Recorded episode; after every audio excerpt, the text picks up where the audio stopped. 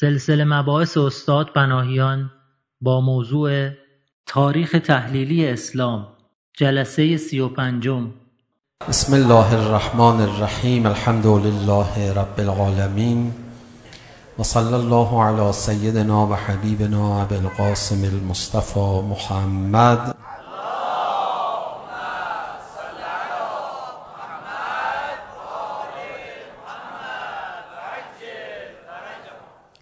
و آله الطیبین الطاهرین المعصومین سیوم الحجه بقیت الله الاعظم روحی و ارواح العالمین له الفدا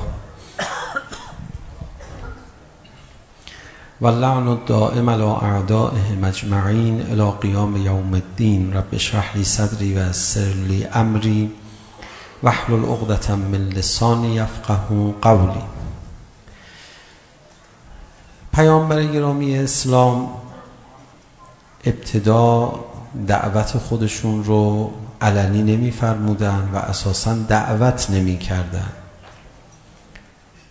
بعد از سه سال حدوداً پیام خداوند متعال دستور دادن فستع به ما تو عمر. مرور کردیم این بخش ها رو به صورت بسیار مختصر.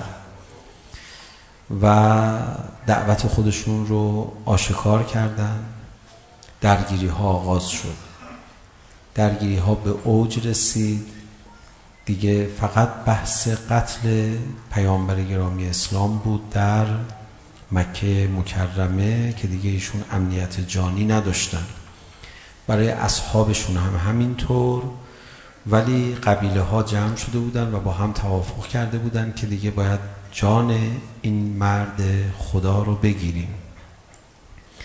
به حدی که پیامبر گرامی اسلام رسما از برخی از قبایل تقاضا میکردن که بیاید از من حمایت بکنید. آیا حاضرید منو پناه بدید که من رو به قتل نرسونن و جالبه به شما عرض بکنم که اکثر قبایل همون قبایلی که بعدا اسلام آوردن پیامبر گرامی اسلام رو رد میکردن. و میگفتن که شما قوم خودت بیرونت کردن میخوان به قتلت برسونن. قوم خودتو به هم ریختی. وقت چی رو میخوای بیای تو بین ما درست بکنی و قریش نسبت به بقیه اقوام عرب که در اطراف بودن یه برتری نسبی داشتن به خاطر اینکه بالاخره اینها پردهداران کعبه بودن و کلیدداران خانه خدا بودن و مردم برای زیارت که میرفتن در اون شهر مذهبی وارد میشدن در واقع مهمان اینها بودن. اینها سقایت حرم رو به عهده داشتند و افراد با نفوذی محسوب میشدن.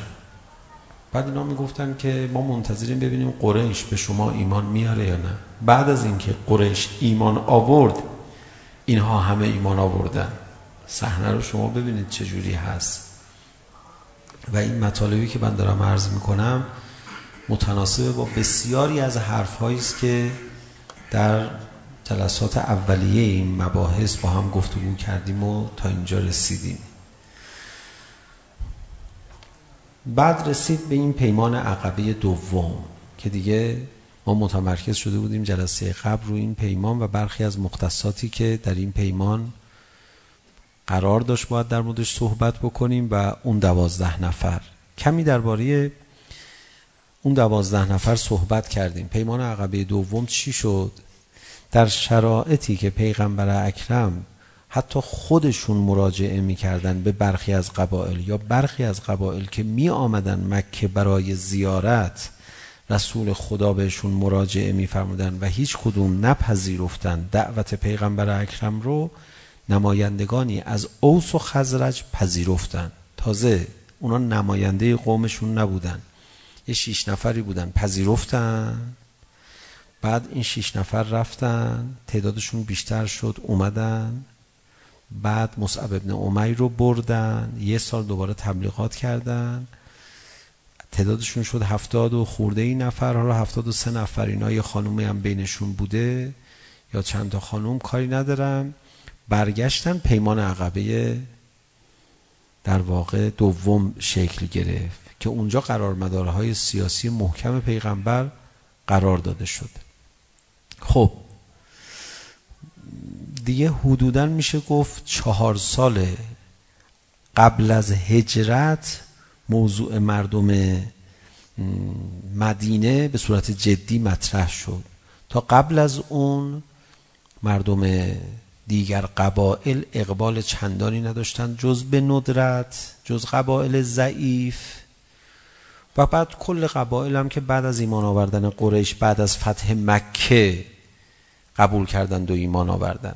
خب برسیم تا این پیمان عقبه دوم که در خانه ای به نام منطقه به نام عقبه بود و در خانه عبدالمطلب بود. امیر المؤمنین علی علیه السلام و حمزه سید الشهدا ایشون این دو بزرگوار دره ای که اون نزدیکا بود ایستاده بودن که اگر از قریش کسی آمد با بالاخره برخوردی اونها رو بتارونن. که وقتی اونها هم با خبر شدن مثل این که اینجا یه خبریه یک سال قبل از هجرت دیگه تقریبا یک سال یا چند ماه حتی باید گفت. یک سال هم نکشید. چند ماه قبل از هجرت. یعنی اوج درگیری قریش با پیغمبر اکرم بود. اونا گفتن اینجا چه خبره حمزه سید الشهدا فرمودن هیچ خبر کسی نیست اینجا و این سخن ایشون موجب شد اونها منصرف بشن ضمن اینکه حمزه او را اونها رو تهدید کرد که اگر احدی از شما بیاد وسط با شمشیر من طرف دو نیمش میکنم این تهدید و اون کلام حمزه اونها رو تاروند و فرستاد عقب البته نفر دیگری که جوان برنایی بود و هنوز ضربه شمشیر او رو حس نکرده بودن علی ابن ابی طالب علیه السلام بود که اونجا ایستاده بود. کار به درگیری نکشید. در اون خانه در پیمان عقبه چه اتفاقی افتاد؟ اینها با پیامبر گرامی اسلام پیمان بستند پیامبر گرامی اسلام بر سر چند موضوع با اینها پیمان بستند یک موضوع دفاع از پیغمبر بود. که اینها مثل زن و بچه خودشون از جان پیغمبر دفاع کنن. موضوع دیگر اطاعت از پیغمبر بود. در واقع یعنی ولایت. موضوع دیگر چی بود؟ حدس بزنید. بعد از پیامبر گرامی اسلام امر ولایت مردم تعیینش به عهده خداست. فرمود این دیگه دست من و شما نیست با همسرش صحبت بکنیم. سابقه هم داره این موضوع. قبلا پیامبر گرامی اسلام یکی از اقوام رو در مکه آمده بودن برای زیارت. اینجور که یادم هست قوم بنی عامر باشن. رفتن دعوتشون کردن. یه نفر تو اونها خیلی آدم سیاسی بود. فهمید این حرفای پیغمبر این حرفای این انسان. حالا او که هنوز به پیغمبری باور شاید نداشت. شاید هم میدونست قبول نمیخواست بکنه. گفت این قدرت پیدا میکنه. این منطقش این منطق سیاسی قویه. این بحث اخلاقی اینجوری نمیشه. با این پیغم با ایشون میشه این کارو کرد. گفت من حاضرم با شما بیعت کنم. بعد از شما چی به ما میرسه؟ یه جوری گفت که یعنی بعد از شما در ریاست جامعه اسلامی چی به ما میرسه؟ چون پیغمبر اکرم داشت جامعه رو از حالت قبیلگی در می آورد به امت تبدیل می کرد. یه هر قبیله برای خودش با قرار دادش با قبیله دیگه زندگی بکنه نبود. یه امت میشد تحت قانون مشترک. خب این قدرت رو افزایش میداد در حالی که اون زمان قدرت ها در حد و اندازه های قبیله ای بود. او آدم سیاسی بود. گفت به اصطلاح چی میرسه به ما؟ چیزی می ما میرسه. رسول خدا فرمود نه. بعد از من قدرت دست کسیه که خدا تعیین کنه. گفت خب پس ما ایمان نمیاریم. رفتن قوم خودشون هم گفتن. یه پیری در قومشون بود. گفت خیلی ضرر کردیم. دیگه چجوری میشه جبران کرد؟ اون راست میگه. او پیغمبر واقعا. چرا قبول نکردید دعوتش رو میخوام میگم همچین اتفاقایی قبلا افتاده بود. ولی اوس و خزرج اون سه نفر از اوس و بقیه از خزرج در واقع نه نفر دیگه از خزرج پذیرفتن سخن پیغمبر رو گفتن ما قبول میکنیم بعد از شما امر به عهده کسی باشه که شما تعیین میکنید از طرف خدا و از شما هم دفاع میکنیم یه نفر اونجا بلند شد عباس نامی هست حالا عباس ابن عباده است یا عباس کیه یه اختلافی هست. یکی هم در نقل ها اختلافی هست. گفتش که من جلسه قبلم عرض کردم. گفتم میگن عباس ابن عبدالمطلب عموی پیامبر میگن گفتم. گفتم نگفتم میگم. کلمه میگم و فکر میکنم گفتم. میگن عباس ابن عبدالمطلب بلند شد گفت مردم ما قریش داریم از ایشون حمایت میکنیم. اگر شما پای این کار هستیدشون رو ببرید. اگه نه ما ایستادیم. بعضی از روایات میگن که نه ایشون عباس, عباس ابن عبدالمطلب نیست. البته این مشهوره ها خصوصا در برخی از کتب. میگن اصلا عباس ابن عبدالمطلب در جنگ بدر اومد با مسلمان ها جنگید. چجوری این عباس در پیمان عقبه حضور داشته به دفاع از پیغمبر حرف زده؟ حالا شاید اینو بن العباس مثلا بعدها تقویت کردن تو کتاب های تاریخشون که جایگاه خودشون پیش پیغمبر ببرن بالا شاید این عباس دیگری بوده. بالاخره شاید از سر ارق فامیلی این حرفو زده البته اونم بعضیا رد میکنن. بگذریم اون آقایی که بلند شد از خود مهاجرین بود. ببخشید انصار بود در واقع از خود اون آدمهایی بود که از مدینه آمده بودن. برگشت گفت میدونید دارید چه پیمانی میبندید؟ ایشون دیگه جنگش محدود به قریش نیست با عرب و عجم و زمین و آسمون ممکنه بجنگه. شما دیگه زندگی نخواهید داشت بعد از این. حاضرید؟ همه گفتن حاضرید اون هفتاد نفر پاش وایستادن. یکی از کسانی که بعضی ها گفتن ایشون اولین کسی بود که بیعت کرد. شخصیت بی‌نظیر و جذاب و دوست داشتنی و نازنین از صحابه پیغمبر که هفته گذشته ازش تعریف کردیم. کی؟ ابن التیهان ابوالحیسم ایشون بلند شد یه حرف زد. عجب. یعنی اون که خوبه ها از اول نشون میده خوبه. گفت یا رسول الله. بعضی میگن اولین کسی که بیعتم کرد ایشون بود. چه شهیدی هم شد. امیرالمومنین چه گریه‌ای کرد در فراغ ایشون خودشو میزد. امیرالمومنین در فراغ ایشون خودشو میزد. گریه میکرد. در صفین به شهادت رسید. بلند شد گفتش که یا رسول الله بعد از اینکه پیروز شدی چیکار میکنی؟ ما رو ول میکنی؟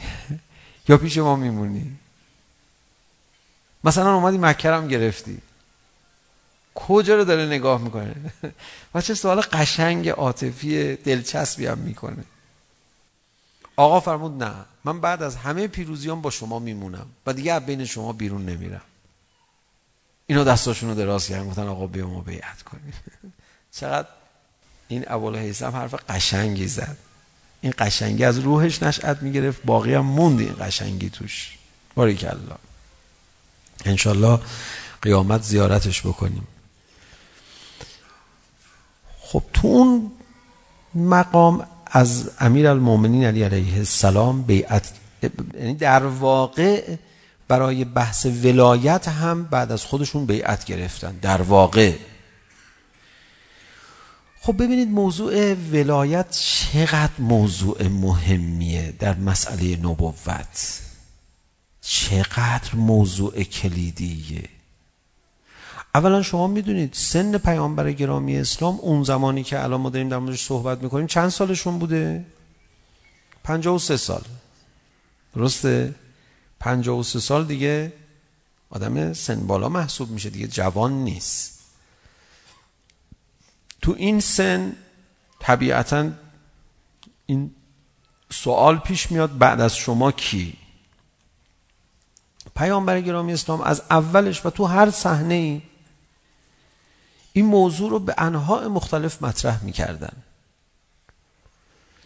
اصلا موضوع مورد گفتگو با این و آن بوده. تو رو خدا اسلام رو انقدر صرفا اخلاقی اعتقادی به من و شما نشون ندن تو رو خدا خواهش میکنم التماس میکنم. سر بحثای اخلاقی کسی رو نمیکشن اخلاق دیگه موعظه میکنه خوب حالا که گوش کرد گوش نکرد دیگه. سر عبادت حالا چه جوری باشه؟ آقا قربانی کردی خونش رو به مکه نمال. قربانی کردی گوشتشو بده به فقرا. سر این که کسی رو نمیکشن که. سعی صفا و مروه همونه. سنگ حجر الاسود همونه. طواف همونه. امام صادق میفرماد در زمان قبل از اسلام هیچ وقت طواف دور خانه کعبه قد نشد. سر این چیزا که کسی رو نمیکشن که. بوتها هم هیچ وقت اونقدر موضوعیت نداشتن. درباره یکی از بت پرستای حرفی زده میشه. جووناش مسلمان شده بودن خودش بت پرست باقی مونده بوده یه آقایی. هی بتشو رو میبردن مینداختن تو خاک. بعد اینو مسخره میکردن بت از خودش نتونست دفاع کنه و اینا. این هی میرفت میشستش عذرخواهی میکرد از این بتو میورد میذاشت سر جاش. هی میگرفتن بت رو مینداختن تو لجن و هی کارهای مختلف میکردن باش. آخر سر این یه روز شستش اینجا گذاشتش مثلا سر تاخچه دوباره؟ گفت ببین یه شمشیر میبندم گردنت تو خود از خود دفاع کن. دیگه من نمیتونم تو رو دفاع کنم. دفاع نتونستی بکنی دیگه من دیگه با تو کاری ندارم. هیچی اومدن بچه ها نفع بردن انداختن تو چاه فاضلاب. اومد یه نگاه کرد گفت تویی که نمیتونی از خودت دفاع بکنی؟ آخه چجوری بوت من شدی؟ برو ببینیم بابا. اینجوری از بوتش جدا شد. میخوام بگم حالا بوت هم اونجوری نبوده که عشق برانگیز باشه. نه من بوتمو میخوام. میکشم شما رو. شما چرا گفتی بوت؟ نه اینجوری نبوده که. اصلا بوت ظرفیت اینو نداره کسی بهش عاشق بشه. ببینید اون عامل درگیری سر چیه؟ من از شما یه تقاضایی دارم. سه تا عنصر کلیدی در پیمان عقب است. موضوع بحث امشبمون اینه. یک ولایت و اطاعت از پیغمبر اکرم. هر چی گفت گوش کنید. دو جنگ و جهاد. پیمان نظامی است. اصلا پیمان عقبه مشهور شده به پیمان نظامی. سوم ولایت بعد از پیغمبر بنابر برخی از نقل ها که بعد از پیامبر اکرم چی فرمود؟ امرش رو خدا تعیین میکنه. و شما باید بپذیرید. اینا هم پذیرفتن. مثل بنی عامر نبودن که نپذیرن. زیرا به همه رو بزنن. و این سابقه هم داره روز اولی که پیغمبر اکرم تو بین فامیلش دعوت رو اعلام کرد فرمود که اونجایی که روز اول اعلام کرد مثل گفتنش با مردم مدینه و مثل گفتنش با اقوام دیگه نبود. اونجا یه جور دیگه بیان کرد. فرمود هر که اولین کسی باشه که ایمان بیاره به من بعد از من جانشین خواهد بود. یالا در اختیارشون گذاشت ایمان بیارن. همه مسخره کردن. علی ابن ابی طالب علیه السلام سه بار بلند شد. فرمود که پس ایشون بعد از من امیر خواهد بود. اونا زدن زیر خنده. به حضرت ابو طالب برگشتن گفتن به تو میگن از پسرت اطاعت کن. ایشون داره میگه پسرت رئیست میشه. مسخره کردن حضرت ابو طالبو. دو تا نکته میخوام توضیح بدم ارزم تمام. یک. تا حالا مقدمه چینی هایی شد بحث هایی شد اومد تا اینجا. حالا میخوایم برگردیم یه جور دقیق تر نگاه بکنیم تا بعد به تشکیل حکومت برسیم. بذارید یه جمله دیگه هم بگم که هفته های گذشته باز در موردش اشاره کرده بودیم. بهش تصریح کنم بعد این دو تا تحلیل رو خدمت سروران رو خودم تقدیم کنم. آقا پیغمبری که پیمان میخواد بگیره سر سه عنصر سیاسی. داره پیمان میگیره. پیغمبری که تو دعوت اولش تو اون پیمان بلا فاصله تا پیمان بستن اولین کار پیغمبر اکرم چی بود؟ باشید نماز جماعت بخونیم. یه دعای کامل بخونیم. چه بکنیم؟ قرآن بخونیم خوب ثواب داره الان اولین کار پیغمبر بعد از پیمان چی بود فرمود دوازده نفر رؤسای قبایل خودتون رو تعیین کنید سازماندهی سازماندهی برای چی آقا شما برای دین اومدی یا برای دنیا برای مدیریت اومدی یا برای معنویت اولین کار پیغمبر اکرم بعد از اینکه آمدن مدینه حالا باید بعدا برسیم انشالله بعد از هجرت به حکومت که رسیدیم باید به این بحث برسیم. یه قانون اساسی مدینه درست کردن. بنده های بسیار سی و خورده ای ده ها بند داشت که مقررات اجتماعی وضع کردن. تا قبل از اون مردم چیکار میکردن؟ قبیله ای اداره میشد. قبیله ای رئیس قبیله ای و ریش سفیدای قبیله دور هم جمع میشدن و قبیله ها با هم پیمان داشتن اصلا شهر نبود. محله ها تقسیم به قبیله ها شده بود. حتی تعبیر محله هم بود. من همینجا میخواستم بعد از منبر خدمت دوستان عرض کنم. همینجا تقاضا میکنم. از دوستان که یه زحمتی بکشن. ماکت های تاریخ اسلام نقشه های تاریخ اسلام اطلس تاریخ صدر اسلام رو تهیه کنن بیارن. یه مؤسسه است در قوم این کار رو داره انجام میده تحقیقات بسیار وسیع انجام داده من از نمایشگاهشون بازدید کردم سالها قبل و خیلی جاش خالی بوده بسیار عالمانه دارن کار میکنن اون اطلس رو بیارن اینجا ماکتش رو درست بکنن وقتی ما میگیم رفت شهر مدینه شما بدونید پیامبر گرامی اسلام رفت شهر مدینه یعنی رفت کجا رفت یه جایی که محله هایی بودن هر محله مال یه قبیله. هر محله چند تا قلعه داشت. قلعه های البته کوچک. یهودیا بیش از پنجاه تا قلعه داشتن در مدینه. هر چند تا قلعه مال یه قبیله بود. اینا رو بدونید بعد پیغمبر اکرم اینا رو تبدیل کرد به یک شهر یک پارچه. این اتفاق یعنی چی؟ و جزئیات دیگه مسیر هجرت. اتفاقی که تو خود مکه میافتاد. شعب عبی طالب کجاست؟ اینایی که من میگم یه کمی ماکتش هم نگاه کنید پیامبر گرامی اسلام تا اومدن شهر اولین کاری کردن این پیام مثلا یکی از موادش چی بود؟ جالبه من به شما بگم. تا رسول خدا وارد شهر شدن یکی از دستورات واجبی که اعلام کردن یعنی یا حرامی که اعلام کردن این بود که هر کی مسلمون شد اومد مدینه یک هر کی مسل... هر کی مسلمون شد باید بیاد مدینه جمعیت سازی کرد الان حکومت رو میخوان تعریف بکنن میگن جمعیت سرزمین قانون یه چند تا عنصر رو کنار هم دیگه میگذارن جمعیت و سرزمین دو تا از عناصر کلیدیشه سرزمین درست کرد سرزمین درست کرد حالا اینا رو بعدم بعد بعدا ببینیم ولی الان برای این سوال الانمون لازمه. فرمود از مدینه نباید مسلمان خارج بشه؟ جز به اذن من. حرام بود کسی از مدینه خارج بشه به اذن پیغمبر. بعد گفتن خب یا رسول الله مدینه کجاست؟ الان به شما میگن از تهران خارج نشو از کجا خارج نشو؟ آ رسما رسول خدا ورداش یک کسی رو تعیین کرد.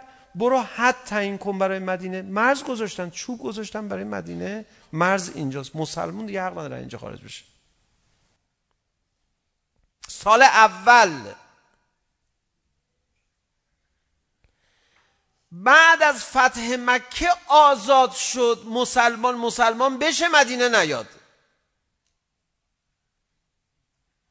و الا اگه کسی مسلمون میشد مدینه نمی اومد تا قبل از اون.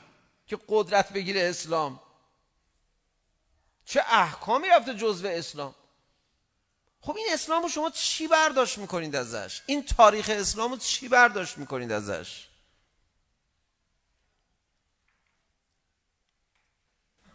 چه آدم هرسش در میاد قصه میخوره از قربت دین تاریخ اسلام رو بیشتر مردم اخلاقی عاطفی عقیدتی تصور میکنن. ولی اینکه تاریخ اسلام بیشترش سیاسی سیاسی سیاسیه. یه مقدار اخلاقیات هم کنارش هست. این ترجمه سخن توضیحی در واقع برای سخن حضرت امامه که فرمود اسلام فکر کنم در این کلام حضرت امام قسمم خوردن. دوستان این کلام رو ببین ما اینجا جلسمون یه سخنرانی عمومی نیست. ما داریم هم فکر میکنیم ما داریم اینجا با هم کار میکنیم ما اینجا با هم داریم یه دوره آموزشی رو طی میکنیم دوستان این سخن امام رو که فکر کنم قسم هم خوردن اسلام والله همش سیاست است بنویسن بزنن بیرون جلسه اسلام اینه بعد شما تاریخ اسلام رو ببینید تاریخ اسلام و فیلمش رو بسازن یه فیلم اولا سیاسی ساختن یا اولا اخلاقی یا اولا اعتقادی یا اولا عاطفی. این فیلم رو بسازن تو کدوم ژانرها؟ موضوعش قرار میگیره. کاملا معلومه سیاسی. اخلاقی هم اخلاقیات هم داره تو فیلم های سیاسی دیدید؟ مثلا اون رئیس جمهوری همسری داره دختری داره دخترشو اسیر میکنن میبرن دزدا بعد این مثلا مشکلاتی میش میاد. اینا فیلم سیاسیه ولی حالا یه مسئله عاطفی هم کنارش داره. تاریخ اسلام چیه؟ واقعا این تاریخ اسلام ما یه شمه ایشو الان با هم مرور کردیم. از روز اولم که این حرفا رو نزدیم که گذاشتیم بریسه تا اینجا یه کمی بحث بیاد جلوتر. حالا اطلاعاتتون رو کنار هم دیگه ردیف بکنید بیاد جلو. اصلا حرکت پیغمبر یک حرکت سیاسیه درگیری ها با او کاملا سیاسیه مظلومیت او مظلومیت سیاسیه تدبیر او تدبیر سیاسیه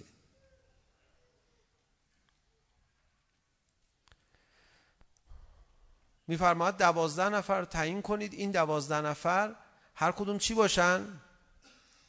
مسئول قوم باشن بابا اینا قوماشون خودشون دارن یه کاری میکنن دیگه. یا رسول الله حالا شما حالا شما کار خودتو بکن. چی کار داری به اینا؟ هنوز شما که مدینه نیومدی. حالا بذار مدینه بیای بعدا. نه من هنوز مدینه نیومدم. اینجا باید تکلیف سازماندهی قبیله های شما رو مشخص کنم.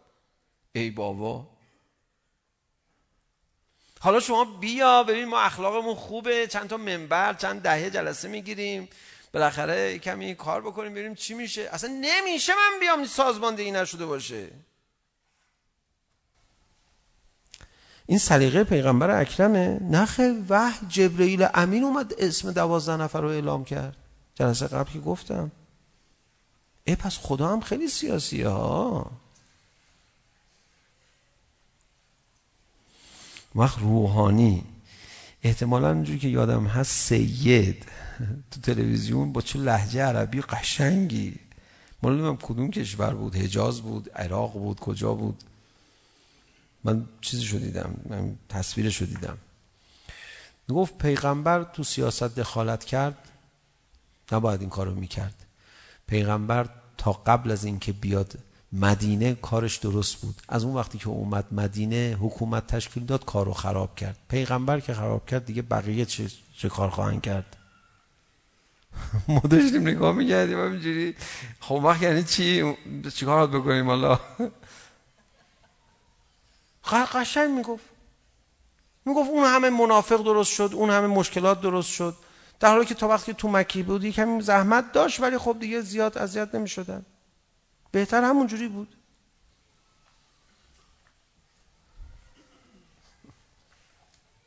دادشون در اومده. اینایی که چنین درکی از اسلام ندارن. آقا شما میخواید از این دین برای سیاست امروز بهره ببرید؟ نه عزیزم ما میخوایم این حرفا رو بنویسیم رو کاغذ. این کاغذا رو زمستونه. سرد شد بریم لبو بخریم بذاریم روش. چیکار کنیم اینجاست که آدم باید بگه پنپا اون چی بود یه زر... چیزای بیمزه ای را افتاده بود اینقدر استفاده کردن که اصلا از دور خارج شد اینقدر بیمزه شد نه اینا رو ما میخوایم بریم باش خاله بازی و اینا مثلا خب بس چیکار میخوایم بکنیم اسلام سیاسی رو ما میخوایم مصرف اعتقادی بکنیم. اسلام سیاسی رو میخوایم مصرف اخلاقی بکنیم. اسلام سیاسی رو میخوایم ازش برداشت غیر سیاسی بکنیم. بگیم ببین پیغمبر سیاسی عمل کرد آخر سر بچه‌هاشو کشتن. پس ما نتیجه میگیریم دیگه سیاست دخالت نکنیم. اینجوری میخوایم ما چیکار کنیم؟ آب مواظب باشید درست برداشت کنید. باشه خب مواظبین درست برداشت کنید. میخوای اصلا کلا برداشت نکنی. انقدر بعضی پدرها بچه‌شون میره سوار ماشین بشه بهش میگن احتیاط کن که پسرش باید سویچو بده بگه من اصلا سوار نمیشم. راحت خیال راحت شد. بالاخره که چی باید بره دیگه؟ چاره ای نیست. باید هم یاد بگیره میزنه میخوره. دقت باید بکنه. تاریخ اسلام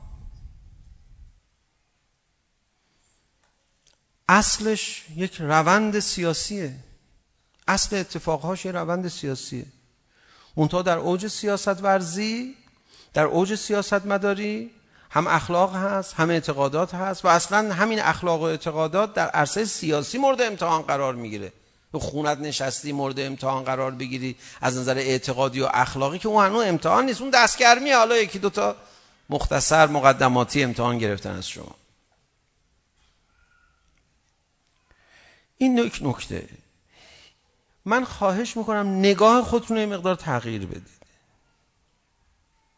اگه کسی زائقش اصلا جور در نمیاد با مسائل سیاسی زائقش این گونه نیست ایشون باید تاریخ اسلام مطالعه نکنه یا تاریخ تحریف شده اسلام مطالعه کنه که سیاستشو برشتن بقیهشو دارن میگن یا آقایی بود داشت میگفت قول لا اله الا الله زدنش یا عجب آدم نامر... آدمای بیشعور بودن زدن و چی زدن و ایشون میگفت لا اله الا الله اونا به لا... لام کلا حساسیت داشتن لا امتش زیاد بود دیگه که آخه که چی مثلا ایشون رو شما مبعوث کردی کجاخه نه بابا عزیزم اینجوری نبوده پای قدرت به میون بیاد اصلا بحث عوض میشه اینقدر هم که شما فکر میکنی اخلاقی نبوده مسئله اینقدر نبوده من وقتی که دیدم توی تاریخ امشب به شما عرض کردم قبائل بعد از ایمان آوردن قریش ایمان آوردن قریش را به گونه ای مهتر خود می دیدن اگرچه استقلال خود را از قریش حفظ می کردن ولی بالاخره اینا رو یه جورایی پیشکسوت می دونستن خیلی بهتر برام جا, جا افتاد که خب پس قریش هم کم سیاسی نبودن چون داشتن این جایگاه سیاسی خودشون رو از دست میدادن این اعتبار بین تمام قبایل عرب داشت از بین میرفت همه متمرکز میشد در یک شخص. شخصی که آدم بعد خودش هم تعیین کرده. سهم هم نمیخواد به کسی بده قبیله گرایی بازی اینا نداریم خدا تعیین میکنه. هیچی خدا تعیین بکنه که دست ما همه جا خالیه. اتفاق سیاسی افتاده. دیدید بعضی اصلا حوصله مباحث سیاسی رو ندارن؟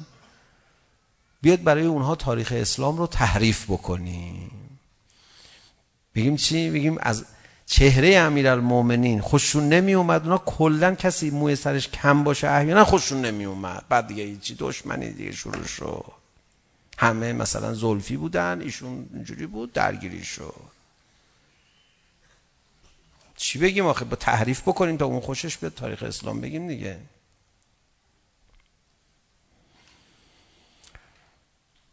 و الا اون خوشش نمیاد از تاریخ اسلام. الان من چند تا صحنه از تاریخ اسلام من برای شما عرض کردم آقا ببخشید این اصلا از سیاسی گذشته شده نظامی پادگان درست کرده نیرو داره جمع میکنه مرز برای پادگان درست کرده حرام و حلال کرده هر کی مسلمان شد باید بشه بیاد مدینه بعد حالا میریم مدینه ببینید چه اتفاقای دیگه ای تو مدینه میفته تو زمینه های اقتصادی. اموالشون رو باید تقسیم بکنن انصار با مهاجرین نمیدونم. بساجی اونجا راه میفته تو رو خدا یه سوال به من جواب بدید شما. آیا اینجوری که ما الان امشب تو این چند دقیقه ترسیم کردیم به اضافه همه اطلاعات دقیق دیگری که شما جلسات قبل گرفتید یا خودتون دارید آیا تاریخ اسلام اینقدری که سیاسی هست؟ اگر نظر بنده درست باشه اگر نظر بنده درست باشه که من میگم خیلی سیاسیه اول سیاسی بعد هر چیز دیگه. آیا تاریخ اسلام که اینقدر سیاسی هست اگر نظر بنده درست باشه؟ آیا تاریخ اسلام همه اینقدر سیاسی الان به مردم ما معرفی شده؟ بفرمایید. خب معلومه من به جا جوش میخوردم دیگه. اگه میگفتی نه آقا همه سیاسی هن جا افتاده است بقیه شو بگو من میفهمیدم من جامعه رو نمیشتازم حالا بر اساس نظرات شما شما هم با بنده هم نظری فکر میکنم که پس من برداشتم درسته این جوشی که دارم میخورم پس بی جا نیست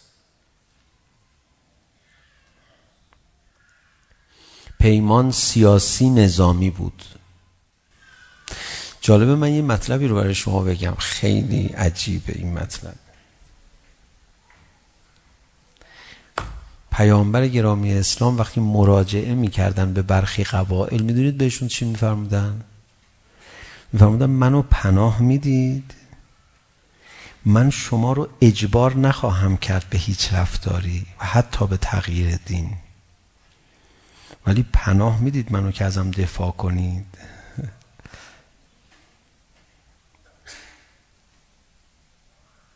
نه اینکه پناه بدید حتما باید ایمان بیارید ها. ولی اول من میدونم شما. بعدش میریم دفاع میکنیم و از من دفاع کنید و اینا.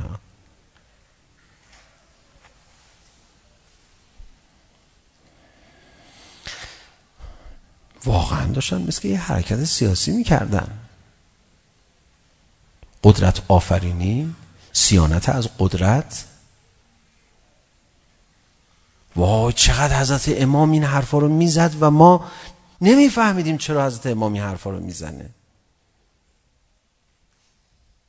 چقدر حضرت امام سیاسی به اسلام نگاه میکنه؟ رفقای مسئول جلسه که من نمیفهمم بالاخره صدای من به گوششون میرسه یا نه؟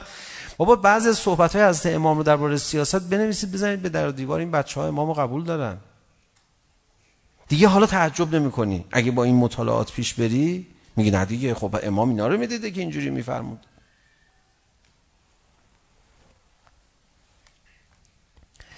نکته بعدی که میخوام بگم وقت نیست.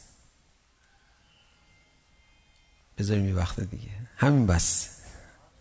خب نه اون نکته دیگه جای بحث جدی داره. اونو بذارید یه وقت دیگه چون نباید سوء تفاهم پیش بیاد. خدایا ما رو در مسیر قدرت بخشیدن به اسلام قرار بده. توفیق عمل برای قدرت بخشیدن به اسلام به ما عنایت بفرما. توفیق فدا شدن در راه قدرت اسلام به ما عنایت بفرما. همش قدرت اسلام قدرت اسلام. خدای ظهور قدرت اسلام به ما نشون بده. قدرت اسلام. کلمه ای که خیلی اصلا بد میدونن ما کنار اسلام بگذاریمش اینقدر قدرت رو بد میدونن. نری طرفشون نری طرفشون نجسه بده. فاسد کننده است. مال آدمای بده. ببین اون وقت آدمای بد بر من قدرت پیدا کنن. خوبا نرن طرف قدرت بدا بیان. سوار شن.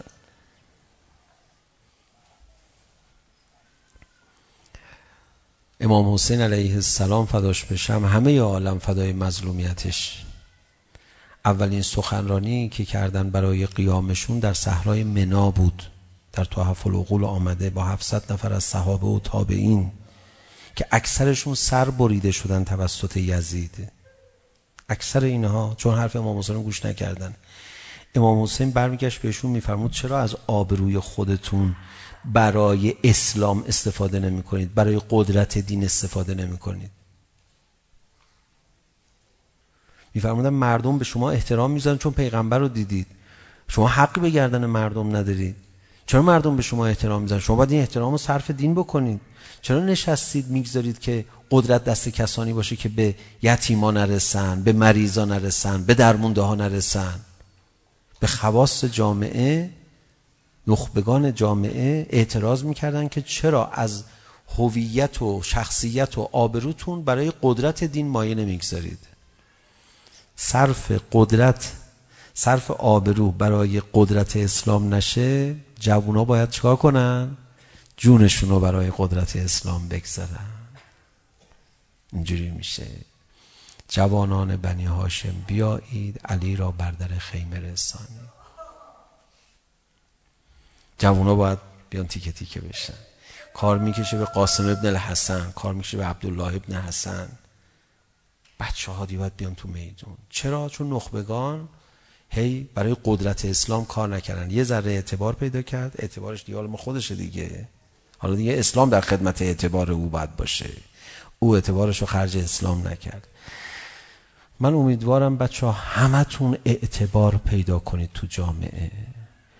نمیگم اگه میخواید اعتبار پیدا نکنید ببخشید. نمیگم اگر میخواید اعتبارتون رو صرف قدرت دین نکنید انشالله اعتبار پیدا نکنید. نه من امیدوارم همتون اعتبار پیدا کنید تو جامعه و اعتبارتون رو صرف قدرت اسلام بکنید صرف دین بکنید صرف ولایت بکنید. اعتبار ولایت صرف شما نشه. که ولی خدا سرفکنده بشه. برید این ور آبرو پیدا کنید. بعد وقتش این آبرو رو برید صرف کنید وای چی میشه اینجا جلسه شهدای گمنامه از شهدای گمنام گمنامتر اونایی هن که نه جان دادن در راه خدا گمنام آبرو دادن در راه خدا آبرو خرج کردن این انقلاب موند آبرو خرج کردن خیلی سختتر از جون خرج کردنه میشه اینا رو میشه بفهمید هیچ کاری نداره پیچیده نیست خیلی جون راحت میدادن دیگه آبرو نوبت آبرو شد دیگه آبرو نمیتونستن بدن. بچه ها برید آبرو پیدا کنید. آبرودار بشید. بعد این آبروی خودتون رو صرف کنید. یکی دو سه تا یار داشت مثل حبیب ابن مظاهر امام حسین. تمام آبروی صحابه پیغمبر بودن خودشو اومد راه امام حسین صرف کرد. بعد چه اتفاقی افتاد. امام حسین بالا سر حبیب ابن مظاهر حرفی زد که وقتی علی اصغر تو بغلش بالو پر میزد اون حرفو زد. همونان علی ما نزل بی انه بعین الله. من تحمل میکنم چون خدا تو داری نگاه میکنی. بالا سر حبیب ابن مظاهر هم همینو گفت. خونهای علی اصغر رو به آسمان پاشید. خدا تو چون تو داری میبینی من تحمل میکنم. بالا سر حبیب ابن مظاهر هم این کارو کرد. چی میشه؟ حبیب انقدر عزیز میشه. الان برید تو کربلا قبر حبیب ابن مظاهر و زریحش رو کنار گذاشتن. این خیلی معنا داره. از بین همه اصحاب. غیر از اول فضل العباس که استثناست و خب جایگاه حبیب. حبیب خیلی آبرو داشت. یه ذره میخواست آبرو خودشون نگه داره نمی اومد اما اومد. هم خودش اومد هم خانومش اومد خانومش برا زینب کتک خورد خودش برا حسین قطع قطع شد ما شبانه روز دعا میکنیم اونایی که آبروشونو برا ولایت میگذارن ای خدا حفظشون کن ای خدا اونا رو آبروشون رو زیاد کن ای خدا تعداد اینا رو اضافه کن ای خدا آبروشون رو حفظ کن ای خدا دیگه چی بگیم دیگه دعاشون کنیم دیگه اما جوونا یکی از کسانی که آبروش رو برای حسین گذاشت خود علی اکبر ابا عبدالله الحسین بود آوازه علی همه جهان اسلام رو گرفته بود آوازه علی اکبر ابا عبدالله الحسین معاویه یه بار نشسته بود به اطرافیانش گفت تو جوونا بخواد یه کسی بگید کی شایستگی داره برای خلافت این جهان اسلامی که کل خافر میانه الان اون زمان در اختیارش بود. کیه؟ یکی گفت یزید یکی گفت خودت یکی گفت چی؟ گفت بادم جون دور قابچین بازی در نیارید. واقعا بگید هیچ کی نگفت. گفت من فقط یه نفر رو میدونم. اونم علی اکبر ابا عبدالله الحسین. از بس علی شایسته بود. بی خود نبود. تا رفت میدان یه دفعه بغض حسین ترکی. شروع کرد گریه کرد همچین دلش شکست بلا فاصله سرشو بالا کرد خدایا اشبه الناس خلقا و خلقا به رسول الله گریه میکنم من ناراحت نیستم قربانی دارم میدم من ناراحت نیستم و دارم گریه میکنم از این ناراحت نیستم علی رو دارم میدم ولی تو میدونی علی کیه هر شهیدی رو زمین میافتاد مثل عقاب می رفت اون شهید رو نجات میداد. تا علی اکبر رو زمین افتاد میگن اول از اسب اومد پایین. آروم آروم شروع کرد حرکت کردن. دیگه اصلا با عجله نمیره علی اکبر رو از زیر سم ستوران نجات بده. علا لعنت الله. بیان معنوی نقطه آی آی